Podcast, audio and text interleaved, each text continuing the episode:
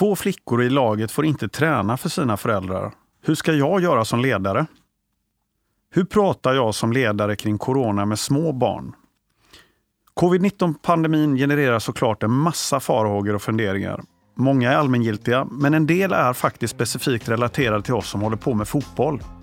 I det här avsnittet av magasinet Fotbollpodden har vi med oss Daniel Ekvall, idrottspsykologisk rådgivare i herrlandslaget. Han ska försöka svara på en del av alla de frågor som finns ute i rörelsen. Välkomna till ett nytt avsnitt av magasinet Fotbollpodden.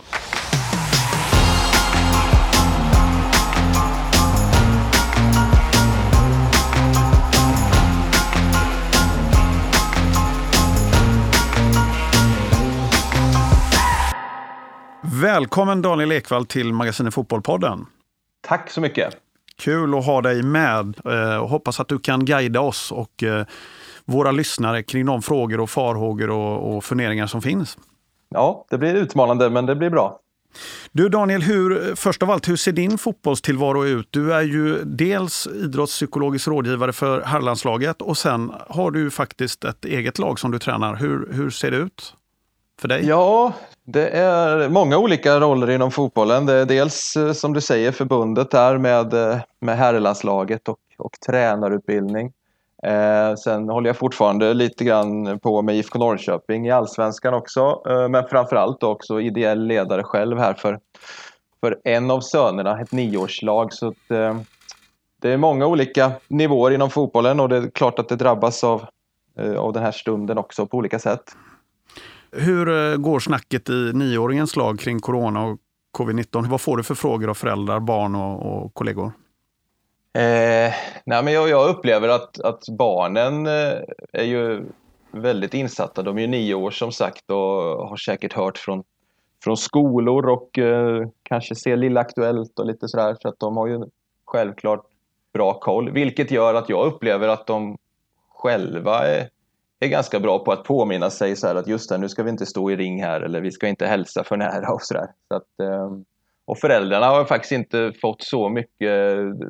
Min, min uppfattning är att de är glada att träningen ändå har fortsatt för rutiner för barnen och, och hållit igång sådär.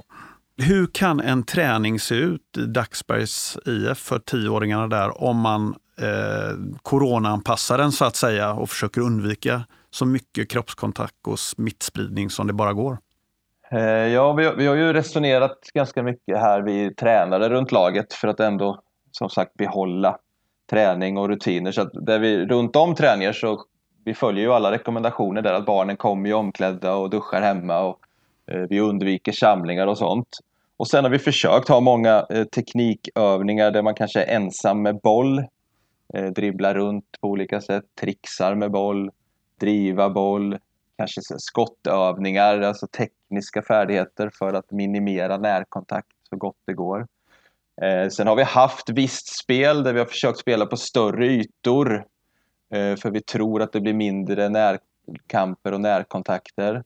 Eh, vi har också försökt lägga in vissa så här små, ja, små instruktioner i spelet. Att om, om ett lag har minst tre passningar innan man gör mål i anfallet så räknas målet som dubbelt. För vi tror då att man passar bort bollen snabbare och då undviker vi också grötiga situationer med närkamper och sådär.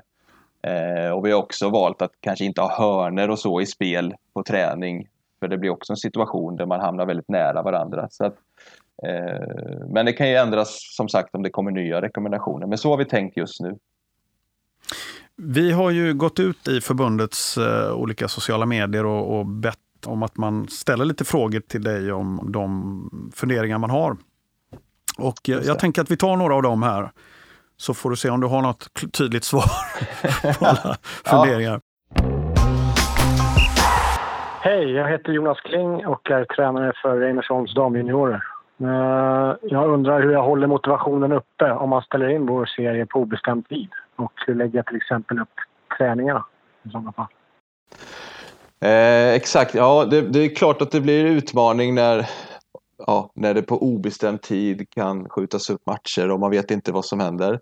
Eh, jag vet att IFK Norrköping här innan riktlinjerna drogs åt lite, de hade ju själva en intern match liksom där man hade till och med domare som kom och dömde och sådär. Så att ett sätt framöver om det blir något mellansteg. Återigen, eh, full respekt för att man måste följa riktlinjerna och vad som händer, men att kanske ha lite internmatcher för att få lite matchpuls utifrån att det är okej okay, som sagt.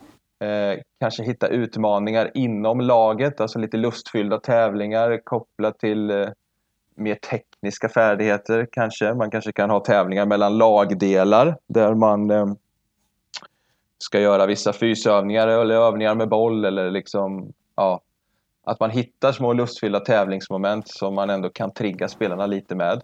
Och också kanske hitta då mått på att hur ska vi ändå utveckla eh, andra färdigheter eller bli bättre på andra saker som man kan försöka mäta kopplat till spelet eller fys eller, eller vad det nu kan vara.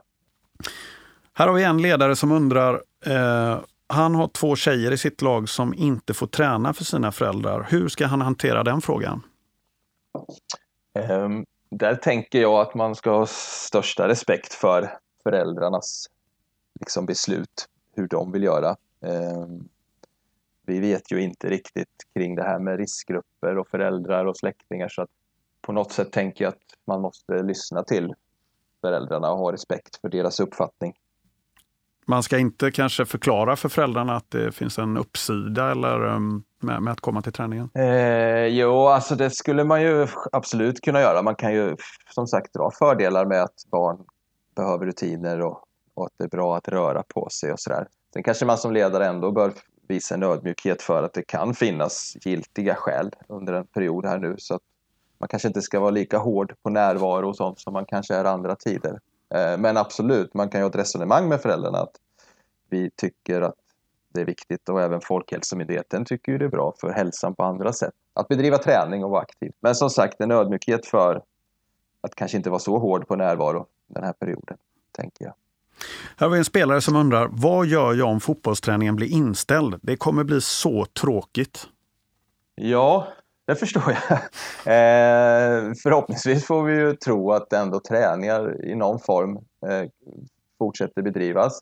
Annars så, jag har ju sett många nu utmaningar i sociala medier, att man kan göra grejer hemma i trädgården och eh, vi har väl även på förbundet nu appen Min Fotboll där det dyker upp utmaningar från landslagsspelare och där man själv kan bidra med utmaningar. Eh, så lite grann på temat att, att utveckla kanske tekniska färdigheter eller andra saker som, som jag kan passa på att, att göra hemma. Mm. Det är ju ganska mycket fokus nu i olika sammanhang med att digitala plattformar kan hjälpa oss att ersätta den normala verksamhet vi har. Både vad gäller fotboll och andra delar av samhället. Men hur långt kan de här hjälpmedlen ersätta det fysiska mötet? Ja, det är ju en jättebra och jättesvår fråga. Jag har ändå en uppfattning av att, att det har gått bättre än vad många har trott. Liksom. Jag tänker kopplat till arbetet med tränarutbildning och sådär så har vi haft Teamsmöten till exempel som har varit effektfulla och fungerat bra. Eh, sen är det klart att som, som lagspelare i ett fotbollslag så, så blir det ju svårt att ersätta kanske med digitala möten över en lång tid. Jag tror det var någon, jag vet inte vilken landslagsspelare det var nu, men jag tyckte jag såg någonstans att de hade haft ja, något Teamsmöte eller liknande, liksom, där man fick se varandra i alla fall. Sen vet jag inte om det är så effektfulla teoripass som det går att ha och sådär, men att Eh, att ändå hemifrån koppla upp och kunna stämma av med varandra hur läget är och sådär. Eh, till en viss del tror jag det kan ersättas eh, bra men, men över lång tid som sagt så, så finns det ju ett värde i att kunna ses och träffas rent fysiskt.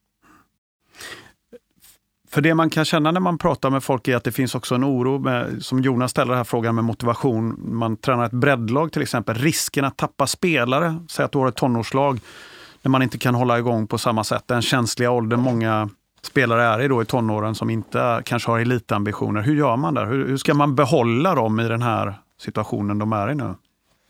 Ja, den där är ju svår. Alltså man, man, jag tror man kan se på den frågan från, från fler perspektiv. Det kan ju också vara så att, att de här spelarna märker att shit vad jag saknar fotbollen. Alltså jag kommer vara ännu mer motiverad när vi sen drar igång igen för att jag märker nu att att, eh, att det verkligen är en viktig del av, i livet för mig att hålla igång med fotboll och träffa mina lagkompisar. Så att ena sidan är väl att man inte riktigt vet hur det kommer påverka våra spelare såklart. Och å andra sidan då, hur kan man ändå behålla kontakt och relationer och liksom ändå kunna bedriva träningar på, på ett så lustfyllt sätt det går, tror jag blir viktigt. Du eh, hänger ihop lite med det här Daniel, men jag tänker många lag och enskilda spelare också för den delen har ju satt upp mål inför säsongen. Hur ska man tänka där då när omständigheterna helt förändras? Det blir ju viktigt att våga revidera om sina målsättningar och det, det blir ju en utmaning att det nästan blir som en försäsong till. Eh, jag tänker bland annat på IFK Norrköping här som är lediga den här veckan och kommer tillbaka nu. Och där det senaste är att det ändå ska komma igång till juni. Man vet ju inte vad som händer där. Men det blir ju att mentalt ställa om liksom på, på en ny försäsong och kanske då antingen revidera mål man har pratat om eller påminna sig om målen igen fast en nystart kring det så att säga. Så att det är ju viktigt att återkomma till de diskussionerna i så fall som man kanske hade i januari. Jag antar att det är en diskussion också att du har haft med eh, elitspelarna på landslagsnivå, eh, tips och råd som du pratade om i början här. Vad görs konkret där med deras målsättningar? Eh, när det gäller våra landslagsspelare eh, så har ju de en speciell situation där de, många av dem sitter i karantän och isolerade. Så att då har vi mer förekommit det och, och skickat ut brev egentligen med lite tips kring att hantera en sån här situation. Och en del även för våra landslagsspelare som vi har tipsat om det är att begränsa nyhetsintag till exempel för att man, man söker svar och ja, man kan läsa väldigt mycket om corona och sådär. Så att bestämma sig för att ja, men jag ser nyheterna på morgonen och sen så läser jag någon artikel, sen får det liksom vara bra. Eh, och sen har vi också tipsat dem om att det är tillfälle, om, om man jämför med att man är långtidsskadad, att det kan vara att man kan utveckla andra färdigheter. Eh, allt ifrån kopplat till fotbollen med att jag vill bli starkare i bålen så jag tränar andra styrkeövningar till livet i allmänhet. Jag kanske kan passa på att lära mig andra recept att laga mat eller vad det nu kan vara. Eh, så, att, så att, man utvecklar andra saker. Eh, och sen ett viktigt tips också det är ju att ändå behålla relationer med andra människor för att det mår vi bra av. och då får det ju i den här perioden handla mer om digitalt, att man liksom ringer hem till familjer och vänner i Sverige eller vad det kan vara. Eh, eller Skype-möten. Och att fortsätta vara så aktiv det bara går. Eh, för risken med att vara isolerad är att man, ja, att man håller sig hemma och får inte så många intryck och då kan man ju eh, må dåligt. Så att generellt att göra sådana saker som man gjorde innan när man mådde bra, men att ändå följa självklart riktlinjer och restriktioner. Eh, Daniel, jag, jag, antar att du är i kontinuerlig kontakt med resten av landslagsstaben, Jan Andersson och sådär. Hur går diskussionerna er emellan när det gäller spelarna och truppen och motivationen där? Eh, till att börja med så har väl snacket gått att det är tråkigt att det inte blir EM. Oh. eh, eh, och att eh, ja, inga matcher i juni och sådär. Eh, nej, men snacket har väl gått mer just att det kommer gå väldigt lång tid innan vi ses igen jämfört med när vi sågs förra gången. Man kan säga att Janne och Peter är ju bra på att ringa runt och liksom prata med spelarna och sådär. Eh, och ha kontakt med dem och det är väl någonting vi, vi, vi försöker diskutera lite i ledarstaben att heller inte alla ledare ringer samma dag till en viss spelare och sådär utan att man att man kan portionera ut det där. Och tidigare, vi är ju väldigt noga med att man inte vill störa spelarna för att de tillhör sina klubbar. Eh, men vi har ju en känsla nu att många av dem tycker det är ändå kul att och liksom hålla kontakten och kanske ibland bara få snacka bort en kvart eh, i de här tiderna också. Du, eh, det var en krönikör i DN som skrev för ett tag sedan här att det vore en social katastrof om ungdomsidrotten stängdes ner en vecka, men samtidigt skulle det kunna bli en ögonöppnare, för då skulle resten av samhället förstå vad det ideella arbetet faktiskt är värt. Vad tänker du om det? Ja. Jag tänker ju spontant att det, att det ligger väldigt mycket i det. Alltså att fotbollen och idrotten i stort bidrar ju extremt mycket till samhället och, och folkhälsan i, i normala eh, liksom perioder. Och det skulle nog märkas ganska mycket om allting lades ner. Vi människor är ju flockdjur och det är liksom sociala varelser som mår bra av att tillhöra en grupp och ett sammanhang med meningsfull fritid och så. Så att eh, skulle allting stänga ner, all idrott, så, så skulle vi nog ja, få andra risker med folkhälsan så att säga. Sen, sen ingen aning som sagt återigen vad som händer här i ovissa tider. Det kanske måste göras en period, ingen aning. Men Eh, skulle det vara över tid så skulle det vara olyckligt.